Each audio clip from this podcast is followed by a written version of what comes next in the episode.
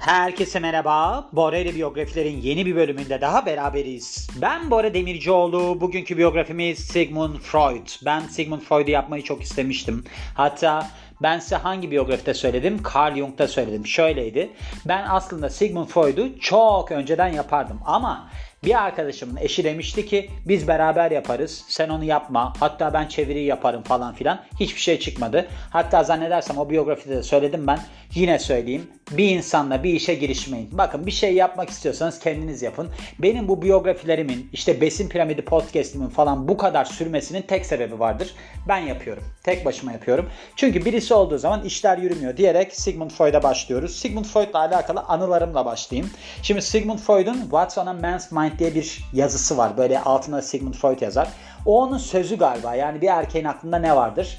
Şimdi o böyle bir resimle beraber hep gösterilir. Bir bardak vardı benim hatırladığım. Yani bir erkeğin aklında ne var şeklinde böyle yandan bir profil görürüz. Adamın profilini görürüz. Orada da aslında adamın kafasında bir kadın böyle bir vücudu çizilmiştir. Yani öyle bir karışımlı bir resimdir. Hani baktığınız zaman ne görüyorsunuz? İlk gördüğünüz hayvan aslında size güç veren hayvandır gibi şeyler var ya. Orada da öyle bir durum vardı yani. Ben öyle bir bardak almıştım. Şöyle almıştım.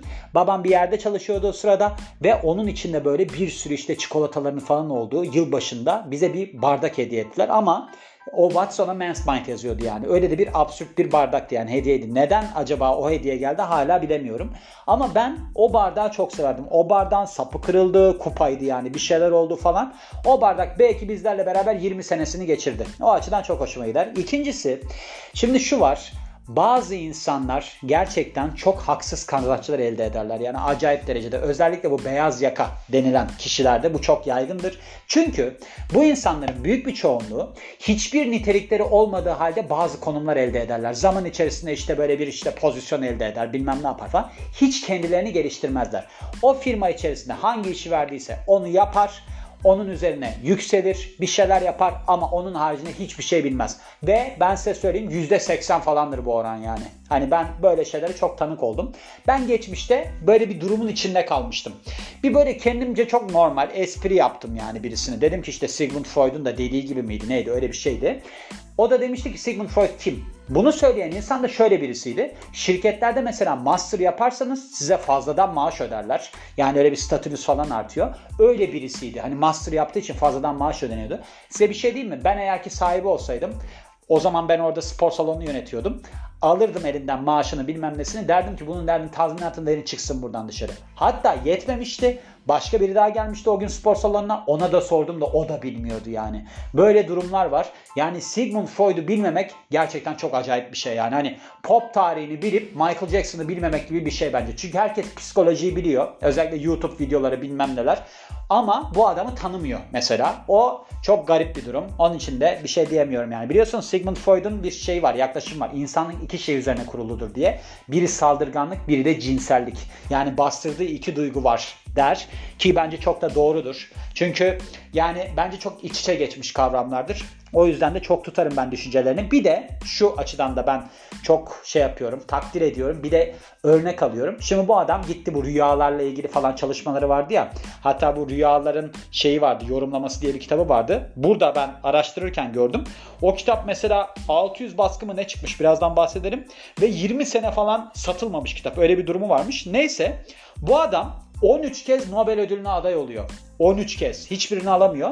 Ve işte böyle rüyalarla ilgili falan araştırmalar yapıyor, bilmem neler yapıyor. İşte sizin bilinçaltınızda böyle şeyler varsa dışarı çıkacaktır rüyalarda falan filan şeyleri var yani. Sonra böyle bir konferansa katılıyor işte kendisi böyle anlatıyor filan. Buna gülüyorlar. Diyorlar ki ya sen hani okumuş etmiş adamsın böyle saçma sapan şeyleri niye anlatıyorsun gibi bir noktaya geliyor yani.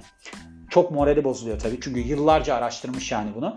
Bu adamın öyle acayip bir iş etiği vardı ki yani 50 yıl boyunca her sabah galiba 9'da açıyormuş şeyini muayenehanesini ve akşam 6'ya kadar mı ne seans yapıyormuş. Yani kendini geliştirebilmek için öyle bir durumu var. Bu kadar çalışmasına rağmen dalga geçirince ofisine geri dönüyor. Muayenehanesine ya da neresiyse artık. Geri dönüyor ve duvarına şey yazıyor. Düşünmeden çalış. Yani insanlar seninle ilgili olumlu da düşünebilir, olumsuz da düşünebilir. Ama sen bunların hiçbirini düşünmeden çalış. Ben de çok onu örnek alıyorum. O sözü gerçekten hayatıma oturttum. Ne yaparsanız yapın sizi eleştiren insanlar oluyor. Hatta ben master'dayken bir öğretmenimiz vardı bizim. O şey demişti. Dünyanın en saçma şeyinde savunsanız en mantıklı şeyinde savunsanız insanların büyük bir kısmı sizin yanınızda olabilir, karşınızda da olabilir. O yüzden yani ne yaptığınız çok önemli değil. Siz demişti kendiniz neyi düşünüyorsunuz? Ne yapmak istiyorsunuz ona karar verin onun üzerinden gidin demişti. Bu yüzden ben de bu noktadan hareket ederim yani her zaman. Yani bu Bora ile Biyografiler podcastinin başlaması da bununla alakalıydı. Besin Piramidi podcastinin başlaması da bununla alakalıydı. Ben kendim zaten bunları yıllardır yapıyordum, okuyordum yani. Biyografileri de okuyordum. İşte beslenmeyle ilgili, sporla ilgili her şeyi de okuyordum. Sadece paylaştım ve tuttum. Şimdi şöyle aslında Sigmund Freud tabii ki bakın burada da demiş psikoloji tarihinin en bilinen ve önemli isimlerinden bir tanesi. Evet yani bizim şirkettekiler bilmiyordu geçmişte ama çok önemli bir insan. Avusturyalı psikoanalist ve aslında böyle insan zihninin derinliklerine inmesiyle tanınıyor. Biliyorsunuz Carl Jung'la da böyle bir araları falan bozuldu. 1907 ile galiba 1912 arasında araları çok iyiydi. Ama sonra Carl Jung'la araları bozuldu. Sebep de aslında temelde Carl Jung böyle bir din adamının oğlu. Din, ama, din adamının oğlu olduğu için şey değil yani böyle dine uzak birisi değil. Bu adamla ondan dolayı tartıştılar. Çünkü Sigmund Freud bir ateist. Ateist ve 8 dil biliyormuş. Yani çok acayip. Ben 6 diye biliyordum. 8 dilmiş. Ya nasıl konuşuyordu acaba onu merak ediyorum yani. Hani Avusturyalı tamam Almancası var. Alman, Almancası gibi mi konuşuyordu acaba? Onu merak ettim yani. Hani bir dinlemek isterdim. Ve biliyorsunuz Sigmund Freud aslında bu ilkel benlik yani ID, ego ve de süper ego kavramlarının çıkış noktasını oluşturuyor. Kendisi düşünmüş bunları yani. Diyor ki işte bu insan aslında kişiliğinin farklı bölümleridir diyor. Ayrı farklı bölümleridir diyor ama iç içe geçmiştir diyor. Mesela bir insanın davranışlarını ID, ego ve süper ego birlikte çalışarak kontrol eder diyor. Şimdi şöyle insanlar vardır görmüşsünüzdür. Mesela süper egosu çok fazla gelişmiştir ama şeyi sağlayamaz. Ego oturmadığı için yani dengeleyici olmadığı için ortada ilkel benlikle süper ego arasında gidip gelir. Yani süper egoda ne oluyor mesela? atıyorum trafik ışıklarına geçmemeniz lazım. Tamam Trafik ışığında işte kırmızı yandığı zaman geçmemeniz lazım. Atıyorum şu anda tamamen. Birisi geçiyor.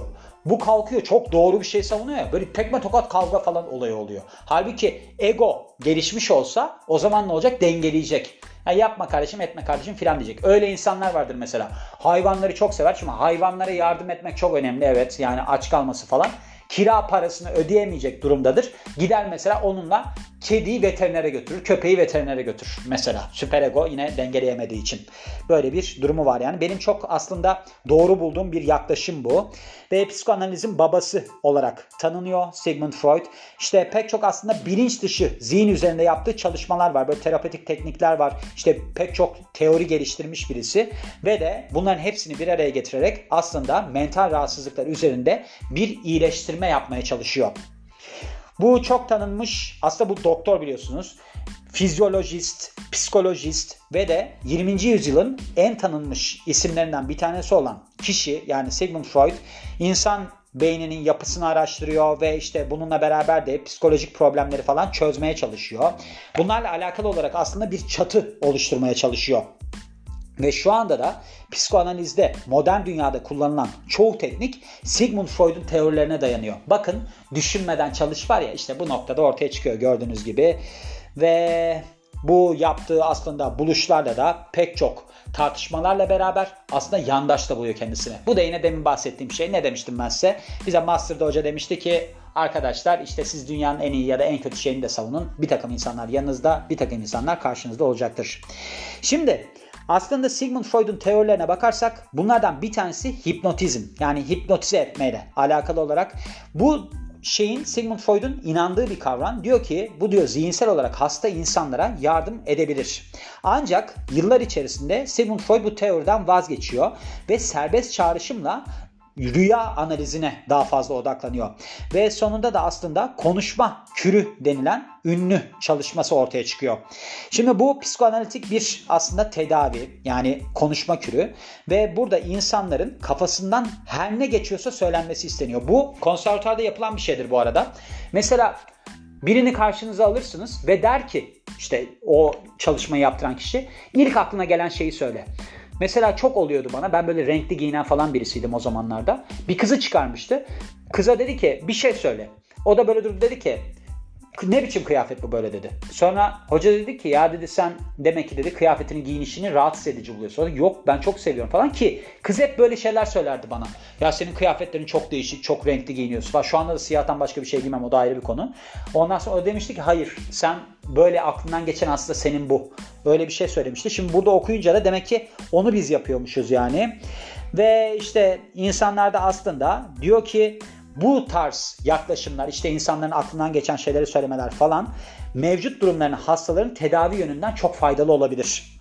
Ve tüm aslında bu zamanın şeylerine baktığımız zaman terapi eden kişilere, terapistlerine baktığımız zaman bu tedavi şeklini kullandığını görüyoruz deniliyor. Ya böyle bir durum işte. Yani bir şeyde çok zorlanırsınız tabii ki ilk başta kabul ettirmek için ama böyledir bu işler. Ama ben size her zaman söyledim. Bakın ben Vival'de de söylemiştim bunu. Öldükten sonra hiç umurumda bile değil yani. Çok iyiymiş, çok iyi adammış, bilgiliymiş, komikmiş, bilmem neymiş. Hiç umurumda olmaz. Bakın şimdi yapıyorsanız yapın. Paylaşıyor musunuz? Tanıdıklarınıza mı söylüyorsunuz? Ne yapıyorsunuz bilemem. Ama yani ben ünlü olmak için şimdi istiyorum. Öyle öldükten sonra yok çok mübarek insanmış falan onlarla uğraşamam ben. Şimdi birinci olarak geliyoruz. Sigmund Freud Moravia, Avusturya da dünyaya geliyor ve 1856 6 Mayıs 1856'da dünyaya geliyor. Aslında Çek Cumhuriyeti'nde bir köymüş doğduğu yer. Yani kasabaymış diyelim. Pribor adında. Ve 8 çocuğun en büyüğü olarak dünyaya geliyor. Bir tanesi de bebeklik zamanında hayata veda etmiş. Psikoanaliz kavramını 1896 yılında aslında böyle bir ortaya atıyor ve klinik pratiğine Viyana'da 1886 yılında başlıyor. 14 Ekim 1886'da Hamburg, Almanya'da Martha Bernis'la evleniyor Sigmund Freud. Sonra madde madde gitmiş burada. Şimdi ben Facts.net diye bir yer buldum. Oradan gideceğim. Şöyle oldu. Ben de Famous People'ı işte bu şeyler falan Mental Floss'lar falan var. Onların hepsini taradım. Bu sabah kalktım öyle bir kafam karışıktı yani. Yaklaşık 3 saat falan bunları okudum. Ondan sonra dedim ki ya bunların hepsi var iyi hoş ama Arada geçişi çok zor olacak. Makaleden makaleye geçmek çok zor oluyor. Yani şöyle zor oluyor. Atlamanız gerekiyor. Bazı bilgiler bir yerde oluyor. Bazı bilgiler olmuyor falan. Dedim ki acaba bunları sıralı olarak veren bir yer yok mu? Karşıma bu çıktı yani. Hani Steve Jobs'ın lafı var ya siz bir adım atın yol önünüzde belirir diye. Gerçekten de o adım attım ve yol önümde belirdi. Çok hoşuma gidiyor yani. Şimdi Sigmund Freud'un aile hayatına gelirsek aslında ailesi Sigmund Freud'un böyle çok iyi durumlu bir aile falan değilmiş. Babası Jakob, Jakob, Jakob Freud. Daha önceden iki kez boşanmış olan bir yün tüccarı ve kendisinden 20 yaş küçük olan bir kadınla evleniyor. Amalia Nathanson isminde. Jacob aynı zamanda bu ilk evliliğinden olan iki tane de oğluyla beraber yaşıyormuş ki Amalia'dan sadece bu çocuklar birkaç yaş küçükmüş. Adamdan 20 yaş küçük ya. O da öyleymiş yani. Ve Freud'un ailesi finansal olarak çok zorluk çekiyor. Hatta o kadar zorluk çekiyorlarmış ki Çek Cumhuriyeti'nde bir böyle çilingirin odasını kiralamışlar. Orada kalıyorlarmış. Ve sonrasında da aslında burası 1856 yılında Sigmund Freud'un doğduğu yer olacakmış. İşte yani çocukluğunu geçirdiği ev. Sonrasında aile Leipzig Almanya'ya taşınıyor 1859 yılında. Ardından da 1860 yılında Viyana Avusturya'ya taşınıyor. Sigmund Freud 8 dil biliyor. Yani acayip bir durum gerçekten. 8 dil bilmek inanılmaz bir şey ya. Dillere karşı acayip bir ilgisi varmış. Çok seviyormuş bunu. Aynı zamanda da çok iyi okuyan, çok fazla okuyan ve çok fazla yazan birisi. Bu yazma kısmı endişeyle alakalı olabilir. Çünkü endişeli insanlar yazarak beyinlerini rahatlatırlar. rahatlatırlar. Şimdi benim de çok böyle bir anksiyete durumum vardır. Ben geçmişte mesela çok yazardım. Şimdi yazmıyorum. Yazmadığım zaman bir endişe gelişmeye başlıyor bende. Yine de yazmıyorum. Öyle de bir durumum var yani. Freud 8 dilde akıcıymış. Yani akıcı şekilde konuşabiliyormuş. İngilizce, Fransızca, Almanca, Yunanca, İbranice, İtalyanca, Latince ve İspanyolca. Yani bu demiş ki Sigmund Freud gerçekler arasında en etkileyici olanlarından bir tanesi. Freud'un son derece aslında böyle teşvik edici bir annesi var. Yani şöyle hani demin bahsetmiştim ya Amalia Nathanson diye bir kadınla evlendi 20 yaş küçük diye. Şimdi bu Amalia Nathanson sonra Amalia Freud oluyor ve aslında ilk dünyaya gelen oğlu Sigmund'u acayip seviyor bu kadın. Ve diyor ki sen diyor benim diyor favori çocuğumsun. Hatta diyormuş ki mine goldener goldener Siggy yani my golden Siggy yani benim altın Sigim. İşte annesi böyle bir ilişki olarak baktığımızda zaten psikoanalist olduğu zamanlarda Freud'un çalışmalarına çok yön veriyor. Yani annesiyle ilişkisi üzerine bir konuşma yaptığında demiş ki bir anneyle çocuğun ilişkisi insan ilişkileri arasındaki en saf olanıdır. Bunun ötesine hiçbir ilişki geçemez demiş. Ama babasıyla ilişkisi öyle çok da şey değil yani ne derler tatlı değil. Çünkü babası Jakob aslında son derece böyle şey bir insan. Yani hem optimist yani iyimser bir insan hem de böyle şefkatli birisi falan, akıllı da bir adam. Ancak Freud mesela bu adama sokakta şeyle alakalı olarak işte diniyle Yahudi oldukları için alakalı olarak küfür ediliyormuş. Ve bu adam son derece bununla alakalı böyle hafif tepkiler falan veriyormuş. Bu yüzden de Freud çok pasifliğinden dolayı rahatsız oluyormuş babasının. Ve işte sonunda da işte genel olarak baktığımızda babasının eksikliğini çekmeye başlıyor. Yani baba figürü gelişmiyor Sigmund Freud'da. Ve işte Doktor Ernst Wilhelm von Brücke ve Joseph Breuer gibi çalıştığı aslında doktorları babası yerine koymaya başlıyor bir noktadan sonra. Çünkü babası arzu ettiği gibi birisi değil baktığı zaman güçlü birisi değil. Yılan balıkları ile ilgili bir çalışma yapıyor. Şimdi 17 yaşındayken Freud Viyana Üniversitesi'ne dahil oluyor. Ve burada da aslında zooloji ile ilgili çalışmalar yapıyor. Burada Karl Klaus isminde bir profesörün süpervizörlüğünde çalışmaları yapmış. Ve bu Klaus'la ilgili olarak da yani yaptığı çalışmalarda 4 haftasını bu yılan balıklarının üreme sistemi üzerine yapmış. Öyle bir zaman geçirmiş yani. Bu erkeklerin üreme organlarını bulmayla alakalı falan bayağı yüzlerce kesme biçme işlemi yapmış. Ancak çalışmalar bir türlü sonuca ulaşamamış. Bu zamana kadar da bu bilinemiyormuş. Yani bu yılan balıkları ile ilgili bir şey mi var onu bilemedim ama ben şeyi hatırlıyorum. Yani Sylvia Plath de annesini yılan balığına benzetirdi. Öyle bir durumu vardı. Sylvia Plath'in mesela böyle tanıyan insanlar falan hep annesinden nefret ettiğini söylerlerdi. Ama annesi çok iyi bir kadın da derlerdi falan. Öyle de bir durumlar var yani. Bu yılan balığı biraz enteresan galiba. Sonrasında da zaten Freud 6 yılını böyle insan beyninin anatomisi ve diğer hayvanları karşılaştırarak geçirmiş. Hani bunlar benziyorlar mı birbirlerine falan diye. Freud kokaini, kokain, kokaini çok böyle önde tutuyor. Acayip değerli bir şey olarak görüyor. Yani büyük bir aslında kokain sevdalısı denilebilir. Çok ilginç bir şekilde. Hatta demiş ki bu demiş aslında bu madde fiziksel ve de zihinsel pek çok rahatsızlığı tedavi edebilir. Birkaç tane böyle yazısı bile var hatta bu Freud'un işte kokainle alakalı pozitif etkilerinden filan bahsettiği işte ağrı kesici, uyarıcı ve de antidepresan etkilerinden bahsettiği. Antidepresan olarak tabii ki işe yarar çünkü dopamini yükseltir yani. Dopamin yükseldiği zaman siz depresyondan çıkarsınız ama sonra çakılmalar çok olur. O şey var ya geri çekilme durumları oluyor yani withdrawal.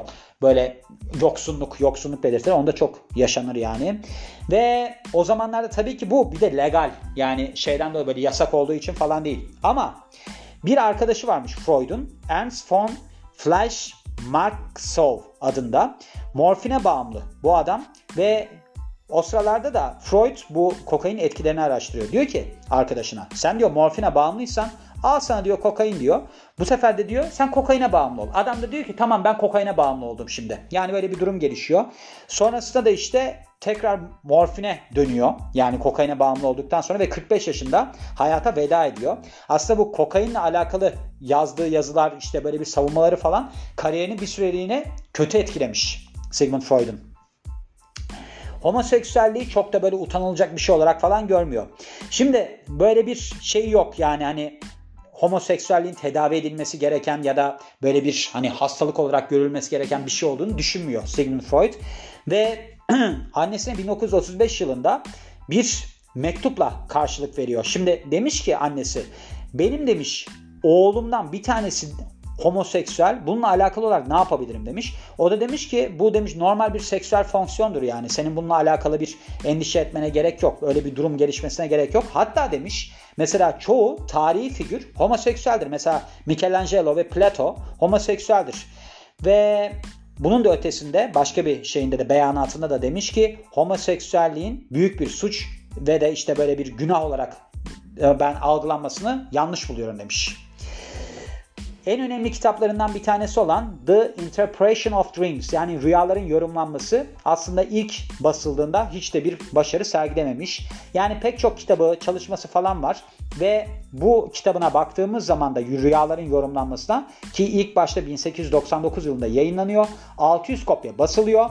Ancak sonraki 8 sene boyunca hiç satmıyor. Yani 8 sene devam etmiş 600 tane kopyanın satılması. Ancak tabii ki sonrasında gereken ilgiyi görüyor ve Freud yaşadığı sürede süre içerisinde 7 baskı daha yapılıyor kitapla alakalı. Bu işte bilinç dışı akıl teorilerinin şeyini oluşturuyor, merkezini oluşturuyor. Burada biliyorsunuz yani 3 tane şeyden bahseder Sigmund Freud. Bir, bilinç bir bilinç öncesi bir de bilinçsizlik durumu. Ve işte bu hani bilinç durumunda insanlar düşünceleri, hisleri falan elde ediyor. Yani böyle bir deneyimlediği şeyleri. Diğer taraftan bilinç öncesi durumda işte anılar tutuluyor. Bu da size aslında bu tutulan anılar bilinçli duruma getiriyor ve son olarak da sizin bir bilinçsiz olduğunuz durum var. Burada işte düşünceler, davranışlar, anılar, tutkular falan farkında olmadan ortaya çıkıyor. Ve işte bu bilinçsiz durumlar aslında insan zihninde birikiyor deniliyor. Ve işte Sigmund Freud'a göre bu bilinçsiz zihin, anıları, işte böyle bir dürtüleri falan bizim bastırdığımız içeriyor ve bu sebeple de aslında çok fazla anksiyeteye sebep olabiliyor. Yani farkında olmadan böyle bir şey geliştirebiliyorsunuz. Hani bu zihnin derinliklerine indiği zaman yok bilmem ne zamanla gittiği zaman böyle bir şeyler sinir krizleri falan geçiren insanlar var. Hipnozdayken falan ben görmüştüm yani. Öyle bir şeyden bahsediyor. Ve işte bu Freud'a göre bilinç dışı akıl yani zihin büyük bir rol oynuyor insanların düşüncelerinde ve de aslında davranışlarında. İşte ID, ego ve süper ego kavramlarını ortaya attığını söylüyor, onu geliştirdiğinden bahsediyor. Evet doğru. Yani şöyle aslında baktığımız zaman 3 tane konseptten bahsediyor. ID, ilkel benlik, ego ve de süper ego. Şimdi ID yani ilkel benlik sürekli olarak bir zevk arayışında ve böyle bir aslında baktığınızda içgüdüsel davranışlar sergilemeye meyilli. Ancak bunun zıttı da süper ego. Burada da ne arıyor işte insan? Mesela mükemmellik, işte böyle bir ahlaklılık, ideal bir hayat öyle şeyler arıyor. Ego da bunların arasındaki dengeyi sağlıyor. İşte ne ona kayıyorsunuz ne ona kayıyorsunuz yani. Hatta Freud demiş ki anksiyete var, anksiyete var, anksiyete ve fobiler genelde bu ID ve süper ego arasındaki çatışmadan, çözülemeyen çatışmadan ortaya çıkar. Olabilir şimdi düşününce baktım da evet olabilir. Hipnozu ilk başta terapi olarak kullanıyor. Bundan başına bahsetmiştim. Sonrasında bunu terk ediyor. Ve hatta bu adam aslında hani bu şeyler vardır ya uzanın şöyle uzanın siz yatın falan filan böyle bir anlatmaya başlayın falan diye. Bu adam buluyor bunu. Yani baktığımız zaman bu adamın keşfi o. Yatarak daha iyi hipnoza girdiklerini keşfediyor hastaların. Hatta bir de şey varmış. Bir köpeği varmış. Yani psikoterapi seanslarında kullandığı bir çov çov cinsi köpeği varmış. Joffy adında. Demiş ki bu köpek aslında psikoterapi seanslarında yer almalı. Çünkü bu katılımcıyı sakinleştiriyor. Yani benim hastamı sakinleştiriyor. Bu çov çov da Çin kaplanı galiba. Çin aslanı, Çin aslanı.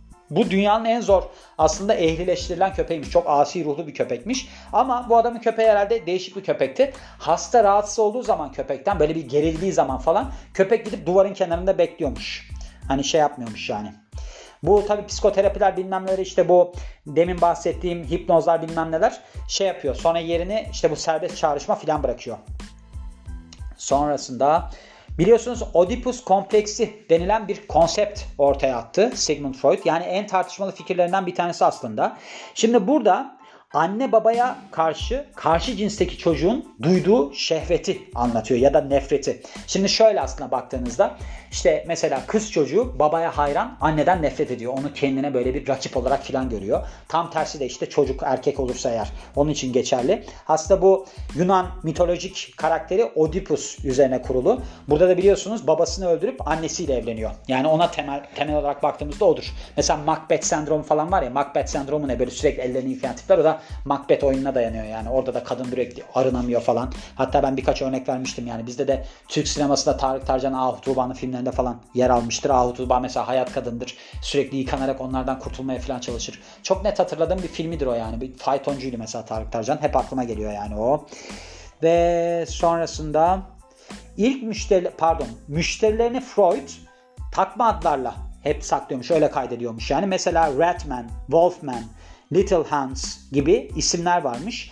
Şöyle çünkü bazı müşterileri çok önemli. Mesela yani çok büyük insanlar. Bunlardan bir tanesi mesela Prenses Mary Bonaparte'mış. Yani bu büyük büyük yani torunu diyelim Napolyon Bonaparte'ın. Öyle bir kadın var yani. Ve sonrasında böyle bir şey var. Attığı kavramlar içerisinde bazıları var ki Sigmund Freud'un çok böyle şey topluyor, tepki topluyor. Bir baştan çıkarma mesela teorisi diye bir şey var. 1890'ların ortalarında ortaya attı. Burada diyor ki eğer ki diyor bir insanda diyor hani böyle bir histerik ya da takıntılı belirtiler varsa bunlar diyor çocukluğunda uğradığı cinsel tacizlerle alakalıdır diyor. Yani böyle bir şeyden dolayı bunlar ortaya çıkar diyor. İşte bu yaşadığı şeyleri de sonrasında şöyle bir açıklama getiriyor. İşte sadece hani yaşadığı derken böyle bir gerçekleşmiş olmasına gerek yok. Fantezi de kurmuş olabilir deniyor. Bunlar yaşanmamış da olabilir. Beyninde öyle olabilir, öyle olabilir deniliyor. Bu da acayip tartışmalara yol açıyor. Diyor ki işte bu diyor hani insanların verdiği böyle kendisine verdiği bilgiler üzerinden istediği şekilde oturtması için hani bir var da olmuş olabilir. Düşünmüşüm de olabilir. Hani kendini haklı çıkarmak için ortaya attığı teorilerden bir tanesi deniliyor. Hollywood'dan gelen büyük bir teklifi geri çeviriyor. Sigmund Freud tabii ki zamanında çok önemli birisi oluyor. Yani benim de başıma gelsin istiyorum. Bakın tekrar ediyorum. Yani Vivaldi gibi olmak istemiyorum. Bakın Sigmund Freud gereken değeri yaşarken görmüş. Ve Samuel Goldwyn bu aslında Metro Goldwyn Mayer diye bir stüdyo var ya onun başındaki kişi Freud'u aşk doktoru olarak tanımlamış yani. Dünyadaki en büyük aşk spesyalisti olarak tanımlamış. Spesyalist uzmanı olarak tanımlamış. Ve 1925 yılında da Freud'a 100 bin dolar teklif ediyor. O zaman da 100 bin dolar da baya bir paradır yani. Şey demiş sen demiş bir senaryo yaz ya da işte bir senaryonun yazımına bir danışmanlık falan yap. İşte mesela Anthony ve Cleopatra'nın içerisinde olduğu bir aşk hikayesi olsun bu. Hani böyle bir şey yapalım biz falan demiş. Ancak Freud bu teklifi geri çeviriyor. Çünkü demiş benim filmle alakalı bir isteğim yok. Yapmak istemiyorum. Zaten Amerika'yı da çok seven birisi değil. Mesela sadece 1909 yılında Amerika'yı ziyaret ediyor ve buradaki kaldığı süre içerisinde işte böyle bir sindirim problemleri yaşıyor. İşte mesela demiş ki ben demiş fahişelerle ilgili sürekli olarak rüyalar gördüm demiş Amerika'da. Bu da neyin kafası onu da anlamadım ama bir de Amerikan kültürünü çok fazla resmiyetten uzak bulmuş. Yani benim demiş böyle ciddiyetime uzak birisi. Bununla beraber de aslında Freud'un ünü Amerika'da özellikle 20'lerde acayip yıkılıyor. Çok artmış yani. Ancak hiçbir zaman tekrar ülkeyi ziyaret etmiyor. Nazi sempatizanları tarafından kitapları yıkılıyor. Şimdi Sigmund Freud aslında hiç Tanrı'ya inanan birisi falan değil. Ateist olarak tanımlıyor kendini. Ve diyor ki aslında diyor bu diyor hani insanların yeterli bir baba figürü bulamadıkları için çocuksu bir ihtiyaçlarıdır. Hani böyle bir tanrı olsun falan filan. Yani önlerindeki güçlü bir baba figürü tanrı olarak gördükleri şey diyor. Öyle de bir sert bir açıklama yapıyor yani. Ve Yahudi kökenleri sebebiyle Naziler bu adamın hani ateist olması falan hiç göz önüne almadan işlerine yine saldırıyorlar. 1930'larda kitaplarını yıkıyor, yıkıyorlar diyorum. Yakıyorlar Nazi destekçileri. Bir de Freud bu konuyla alakalı olarak psikoanalist Ernest Jones'a bir espri yapıyor. Diyor ki orta çağda olsaydık beni yakarlardı. Şimdi en azından benim kitabımın içerisindeki şeyleri yakıyorlar. İçeriklerini yakıyorlar kitaplarımın demiş. Bazı kardeşleri Nazi konsan yani toplama kamplarında hayata veda ediyor. Yani Nazi Almanyası zamanında yaşadığı için. Aslında bu adam galiba Nazi rejimi yani böyle bir bu 2. Dünya Savaşı'nda acayip böyle bir zulmün arttığı dönemlerden bir sene önce öldü diye hatırlıyorum ben. Kaç yılında öldüğünü tam hatırlayamadım ama öyle öldüğünü hatırlıyorum. Şimdi şöyle Freud ve birkaç tane kardeşi aslında Nazilerden kurtulmayı başarıyor. Ancak 5 kız kardeşinden 4'ü Nazi kamplarında hayata veda ediyor. Ve 2 mil uzakta yaşadığı bir dönem varmış şu kişilere. Hitler, Stalin, Tito, Trotsky. Yani 2 mil uzaklıktaymış. Çünkü bu kişiler de aslında 1913 yılında Viyana'da yaşamışlar. Hatta şöyle aynı kahve dükkanının düzenli müşterileriymiş bu kişiler. Yani Freud, Hitler, Stalin, Tito, Trotsky. Carl Jung'la çok gergin bir ilişkileri olduğundan bahsediyor. Yani şöyle 1907 yılıyla 1912 yılı arasında ben bunu buradan okumama gerek yok biliyorum zaten. Çok böyle arkadaşlıkları iyi aslında o zaman içerisinde. Mesela ilk buluşmalarında 12 saat boyunca konuşmuşlar. Hatta Freud şey olarak böyle bir baktığınızda Jung'a akıl hoculuğu yapıyor. Hatta bir keresinde de en büyük oğlum diye bahsetmiş Jung'tan. Ancak bir noktadan sonra fikirleri çatışıyor. Yani şu aslında bir tanesi dini çok öne çıkarıyor. Yani Carl Jung. Freud inanmıyor zaten. Ondan sonra da fikir ayrılığına düştükleri için hatta biliyorsunuz Sigmund Freud şey bile yapıyor. O camiaya diyor ki bunu diyor dışlayın diyor. Carl Jung diyor bu camianın içerisinde olabilecek birisi değil filan diyor. Kadınları çok iyi anlayamadığından bahsediyor. Yani böyle bir sorunu varmış. Demiş ki ben kadınları çok anlayamadım bilemiyorum demiş. Ve eşinin kız kardeşiyle ilişkisi olduğuna dair bir iddia var. Ancak bu iddia şöyle oluyor. Şimdi Martha Freud'un kız kardeşi Mina Freud'un ailesiyle yaşamaya başlıyor. Nişanlısı öldükten sonra 1896 yılında ve Mina aslında Freud'la çok yakın bir ilişki geliştiriyor. Bu sebeple de işte evlilik dışı bir ilişkileri var diye dedikodular çıkmaya başlıyor. Hatta şöyle olmuş. Bir İsveç'te otelde beraber kaldıklarına dair 1898 yılında bir imza varmış. Hani otel defteri var ya orada. Ancak bu konuyla alakalı bazı tarihçiler şüpheli. Çünkü bunu ortaya atan kişi Carl Jung diyorlar. Ve işte bu sebeple de hani Carl Jung Sigmund Freud'dan pek hoşlanmıyor. Böyle bir şey çıkarmış olabilir diyorlar. Kızı Anna Freud yine etkili bir psikoanalist oluyor. Sigmund Freud'un 6 tane çocuğu dünyaya geliyor Marta ile olan evliliğinden ve bunlardan birkaç tanesi de aslında ayrı alanlarda faaliyet gösteriyorlar. Ve kendi alanında faaliyet göstereni var Sigmund Freud'un. Bunlardan bir tanesi de Anna Freud. Sık sık aslında böyle şey yapıyor. Anna Freud'u teşvik ediyor ve sonunda da Anna Freud babasının ayak izlerini takip etmeye karar veriyor. Şöyle olmuş psikoanaliz ve de çocuk psikolojisi alanında önemli katkıları olmuş Anna Freud'un. Sigmund Freud 13 kez Nobel ödülüne aday oluyor. 13 kez. Bayağı bir rakammış yani. İlk olarak 1915 yılında, son olarak 1938 yılında ki ölümünden bir sene önce yani 1939'da hayata veda etmiş. E demek ki evet yani bu adamın nasıl oluyor? O, o zamanlarda olamaz ki. İkinci Dünya Savaşı zamanında yaşamıyormuş yani bu adam. İlginç. 12 tanesi bunlardan tıp dalındaymış. Bir tanesi de edebiyat dalındaymış ancak hiçbirini kazanamıyor. Freud günde 20 tane pro içiyor. Acayip. Ve işte ilk başlarda aslında 24 yaşındayken sigara içerek başlıyor. Ardından pro içmeye geçiş yapıyor ve günde 20 tane pro içiyor. Sonrasında işte kansere yakalanıyor bu sebeple. Oppenheimer da biliyorsunuz kansere yakalanıyordu. Gırtlak kanserine. Bu adam da öyle. 1923 yılında bir aslında kanser gelişiyor. Ağız kanseri gelişiyor. Çünkü 20 tane pro içiyormuş yani. Ve kanser tedavisi için 34 kez cerrahi müdahale yapılıyor. Sigmund Freud'e. Freud aslında bir şey teşvikli intihar etti denilebilir. Şimdi bir doktor arkadaşı var kendisinin Max Schur adında. Ben bu hikayeyi biliyorum. Şöyle oluyor. İşte kanseri sürekli ilerliyor Freud'un ve acayip ağrı çekmeye başlıyor. Arkadaşı Max Schur'a diyor ki bak diyor sen bana diyor acı çekmeyeceğini söylemiş, acı çekmeyeceğime dair söz vermiştin. Bu diyor yaptın diyor şu anda morfin dozunu artır ve ben öleyim diyor. Ve böylece 23 Ekim 1939'da sabah 3'te hayata veda ediyor. Küllerini çalmaya çalışmış hırsızlar. Bu adamın külleri Londra'da yani ne derler Kuzey Londra'da şeyde saklanıyormuş. Golders Green krematoryumunda saklanıyormuş. Ki işte ailesinden böyle bir üyelerle beraber saklanıyormuş. Ki bu saklandığı küller de 2300 yıllık bir vazoda saklanıyor. Yunan vazosunda saklanıyor. Kimin hediyesi? Prenses Maria Bonaparte'ın hediyesi. Hani demin terapisinde takma isimle kullanıyordu ya. Öyle kaydetmişti ya. 2014 yılında bir grup hırsız bunu çalmaya çalışıyor ve aslında vazoyu da kırıyor ona zarar veriyor. Böylece halka açık yerde teşhir edilmekten vazgeçiliyor. Saklanıyor yani. Ve teorilerinden bazıları bugün hala uygulanmaya devam ediyor Sigmund Freud'un. Yani gördüğünüz gibi böyle bir insan. Yani bazı noktalarda bazı şeyleri yakalayabilmeniz için gerçekten de çok fazla çalışmanız lazım. Bir de size herkes karşı yani bu noktada. Yani şey de değil hani sizi teşvik ederler bilmem ne yaparlar. Bütün doktorlar falan size karşı. Çok ilginç bir durum ama siz gene de çalışıyorsunuz. Neden biliyor musunuz? Çünkü mesela Sigmund Freud'un du galiba o söz değil mi? Sigmund Freud'un Leonardo da Vinci ile ilgili söylediği bir söz vardı. Şey diyordu. Çok erken uyan, karanlıklar içinde çok erken uyanmış bir adamdı.